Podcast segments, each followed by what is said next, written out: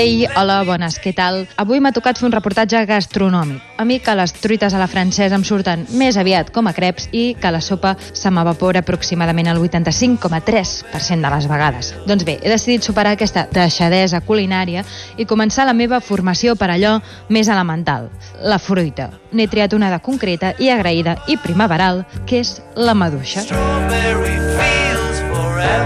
Com que jo no en sé gens, he reclutat la Mònica Escudero perquè m'acompanyi al Mercat de la Llibertat. Ella és periodista gastronòmica, coordinadora del blog El Comidista, cuinera eventual i DJ. Hola, Mònica. Hola, Clara, què tal? Amb la Mònica anirem a la recerca de la maduixa perduda, com la Madalena de Prus, que avui en dia segurament seria una muffin molt carregada d'additius i derivats de la benzina. Buscarem aquella mida, aquell color i aquell gust a maduixa que ens transporten a un món menys globalitzat i segurament una mica menys passater. No fa falta de tantis en clau de la porta. Sembla que el maduixot ha colonitzat la maduixa tradicional a les fruiteries i als supermercats. Què està passant? Bàsicament el maduixot és més rentable perquè fent servir més o menys els mateixos recursos doncs aconsegueixes més pes de producte i, el que, i la fruita es ven el pes. És difícil de trobar la maduixa tradicional? És bastant difícil, sí. Eh, també són més delicades més difícils de transportar i tenen una caducitat més curta. Vull dir que de seguida eh, es, si tenen un petit cop o el que sigui o es comencen a posar tubetes no brillen tant, també el color és menys brillant i bueno, doncs visualment ja no estem acostumats a veure un, una fruita que no, que no tingui aquesta, aquest aspecte pràcticament artificial. Exactament quina diferència hi ha entre una maduixa i un maduixot? Perquè crec que fa força temps que mengem maduixots sense saber-ho, no? Doncs per començar el que diu el nom ja és el tamany. El maduixot és pues, doncs, gairebé tres vegades més gran que la maduixa. Gairebé, depèn del maduixot i depèn de la maduixa, però en general són molt, molt més grans. També són més brillants, normalment tenen un color vermell una mica més apagat, no són tan... I, sí, exacte, no són tan vius són més brillants també de, de textura, vull dir, la, la, la maduixa és més mate i el maduixot també té una mica menys de llavors, de vegades la maduixa té les llavors com més juntes i bueno, que no s'aprecia el gust, però a la vista sí. I el gust, que, quina diferència hi ha? Uf, el gust, mira, jo diria que un maduixot i una maduixa tenen la mateixa quantitat de gust, però com el maduixot té el triple de pes, doncs té un, una tercera part del gust de la maduixa. La, la, la maduixa té el mateix sabor, però concentrat. No té res a veure. Fas una mossegada una i és la felicitat i l'altra és, bueno, si trobes un bon maduixet, encara, per molt bo que sigui, no és una maduixa. Recordes quan eres petita què senties quan experimentaves el plaer de menjar-te una maduixa i què experimentes ara quan et topes amb un maduixot? De fet, les maduixes ens fan a tots una mica l'efecte abuelo cebolleta aquest de quan jo era petit, perquè no fa tants anys que les maduixes eren maduixes. I pots tenir, bueno, jo tinc 40, però que pots tenir 30 anys i tenir nostàlgia de la maduixa, perquè, perquè realment en, en 10 o 15 anys pràcticament han desaparegut. Però bueno, jo no tinc molta nostàlgia perquè tinc, tinc un parell de dealers que encara localitzats de maduixes, un parell de fruiteries que encara en tenen. On podem trobar maduixes de les veritables? Doncs als mercats, normalment. No? Apropeu-vos a un mercat, és més fàcil. També seran més cares, eh? Que no... Però clar, jo m'estimo més menjar-me quatre maduixes bones que 40 dolentes, perquè al cap i a la fi la cosa no va de fartar-se, sinó de gaudir-ho. De nit de estaria molt bé haver nascut fa 36 anys Som en una paradeta de, uh, del costat del Mercat de la Llibertat, amb un paradista. Hola, què tal? Hola, bon dia. Què tal les maduixes? Es venen bé? Eh, I tant que es venen bé, sobretot els del Maresme. Són maduixes de tota la vida? De tota la vida, sí. Perquè ara s'han posat de moda els maduixots, no? Bueno, maduixa és, eh, maduixa és allò petit. Això és maduixot. Home, es caracteritzen perquè tenen un altre sabor. I, I aquest granet que fan, el color és diferent. I el paladar, vull dir, com la gent els, el, els tasta, els menja i ja diu això, eh, això sí que és del Maresme, aquests no són de Huelva. Ells són els que m'agraden. Mire, 7 con 4 tengo. Podem distingir un maduixot bo d'un maduixot? Perquè ara dèiem que la maduixa ja gairebé no existeix, que, que, que ha desaparegut per, per qüestió de que no és pràctica. Maduixeta, que no... La maduixeta és la maduixeta silvestre, aquesta, que són així petites. Però entre la maduixeta i el maduixot hi havia la maduixa de tota la vida. Maduixot, el que passa que en deien maduixa, però és maduixot. Maduixa o maduixot. Això és el, el, bueno, perquè van sortint varietats noves. Clar, això amb el temps van sortint varietats noves, busquen que sigui bona, maca i que aguanti més. Sí, que la maduixa s'ha transformat en maduixot, definitivament. Ah, una cosa així, sí. Però té el mateix gust, aquest, aquest maduixot de la maduixa tradicional de fa temps que es consumia? Ai, jo el trobo boníssim tot, eh? Jo el trobo boníssim tot. El maduixot, si és bo, és bo. És el del Maresme i és bo el de Huelva.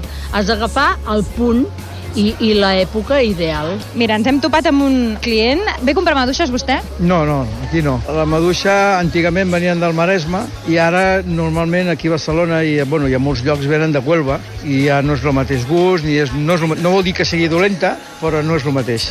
Vostè ha buscat maduixes i no n'ha trobat? Uh, bueno, suposo que aquí a Barcelona hi ha mercats que sí que en tindran, però aquí amb aquest mm, és de Huelva tot. Em deia que és el Maresme, vostè. Allà sí que hi ha la maduixa tradicional. Sí, jo estic de Canet de Mar i n'hi ha Canet, n'hi ha Sant Cebrià, n'hi ha Calella, hi ha Màrius Llos, que és la tradicional de sempre. I com la descriuria, la- l'autèntica maduixa? I És més petitona, no és tan gran, és molt més dolça i, bueno, i s'ha de recollir ara que fa un bon temps. Ha plogut sobre el meu cap La problemàtica que trobem amb la maduixa i el maduixot existeix amb altres fruites o verdures? Sí, en moltes, per exemple els tomàquets. Ara, bueno, fa uns anys que tornem a tenir varietat de tomàquets i que s'ha fet una guerra no? per, per la dignitat del tomàquet, però durant, durant molts anys eh, hem trobat només el tomàquet de bola, que es diu, que és aquest rodó vermell de carn apretada que no té olor de res, però és molt resistent, és el mateix. És molt resistent tant al conreu com al transport. A veure si ens podries dir alguns trucs per saber com triar bé un vegetal fresc, eh, de temporada. que estigui de temporada és el primer. Vull dir, una síndria al gener no... Malament. Bueno, malament bàsicament perquè encara que potser estarà bona, si ve de Xile, eh, estàs, li estàs fotent una tralla al planeta que no és necessària. Bé, i un cop tenim, hem passat el filtre de la temporada, llavors què hem de tenir en compte? No cal que anem ensumant com, com un porquet que busca trumfes, però que et facin olor és important. Faran fora, no?, de la botiga. Sí, i una altra, una altra cosa molt important és tenir un venedor de confiança. Una botiga, un, una parada, un algo així, on sàpiguen qui ets, on, i ells mateixos et puguin dir, doncs mira, que això ara, avui han portat això que està molt bo, això és del nostre, del nostre pagès que ens porta, saps? Establir un vincle. I també, normalment a fora dels mercats, fan parades els pagesos, que si veus a una persona amb les ungles, amb la, exacte, amb A la terra, treballar la terra. Efectivament, amb les mans així que no s'acaba de fer la manicura i tal, i, i veus que té productes seus, pregunta-li què és seu, perquè de vegades també tenen coses que no, perquè han de tenir una varietat i no, suposo que la terra no dona per tot, però si els hi preguntes què és seu, eh, allò que ha recollit aquell matí o el dia abans, segur que és de proximitat i segur que és de temporada, perquè la terra no dona una altra cosa. Tots són flors i violes del producte de proximitat perquè després hi ha el tema de la contaminació que tenim aquí a l'àrea metropolitana i com aquesta contaminació es transforma en dioxines que acaben arribant a les fruites o als vegetals. A mi no em preocuparia massa la contaminació, també perquè dintre de l'àrea metropolitana crec que gairebé tots els conreus estan al Maresme, al Prat en el cas de la carxofa i així, i dintre de l'àrea metropolitana per qüestió d'espai i de, i de que surt més a compte posar un bloc de pisos que no pas deixar un hort, em sembla que no n'hi ha mai. Tot això que m'expliques al final em deies que és una manera, una manera de viure, has de trobar temps, no viure estressat tampoc o no massa estressat, has de voler cuidar la teva alimentació també, has de tenir diners Sí, menjar de proximitat és una mica més car que fer-ho de... Que, que comprar sense pensar-hi massa, però depèn de les prioritats que, que li donis tu a les coses a la vida. No sé, després anem por ahí a un club i pagues 8 euros per una copa i a ningú li importa. Bueno, potser t'importa, penses, hòstia, que car, però les pagues igual. No? Doncs un quart de quilo de maduixes que et donaran un berenar molt feliç, potser et costen un euro amb 20 i, i la veritat és que val la pena i no et donaran ressaca. Bé, hem acabat la nostra recerca. Bàsicament hem trobat maduixots. Sembla que la maduixa està bastant desapareguda, com a mínim en aquest mercat. És que jo no he comprat en aquest mercat, eh, maduixa, maduixa. I el que estic veient és que ara es diu maduixa a la maduixeta silvestre, que és aquesta molt petita que fa com un dit petit, i maduixot a la resta. Però clar, dintre del maduixot hi ha diferents varietats, diferents eh, qualitats, diferents punts de, de maduració i, i hem trobat maduixots petits, molt més petits que, el que, que, que hi ha llocs on hi ha maduixots de 80 grams i aquí hem trobat maduixots que devien fer 20 grams, vull dir, petitets, vermellets i que fan, sobretot que feien molt bona olor. Doncs moltes gràcies, Mònica, per acompanyar-nos en aquesta recerca. A tu, Clara. Que vagi molt bé. Igualment.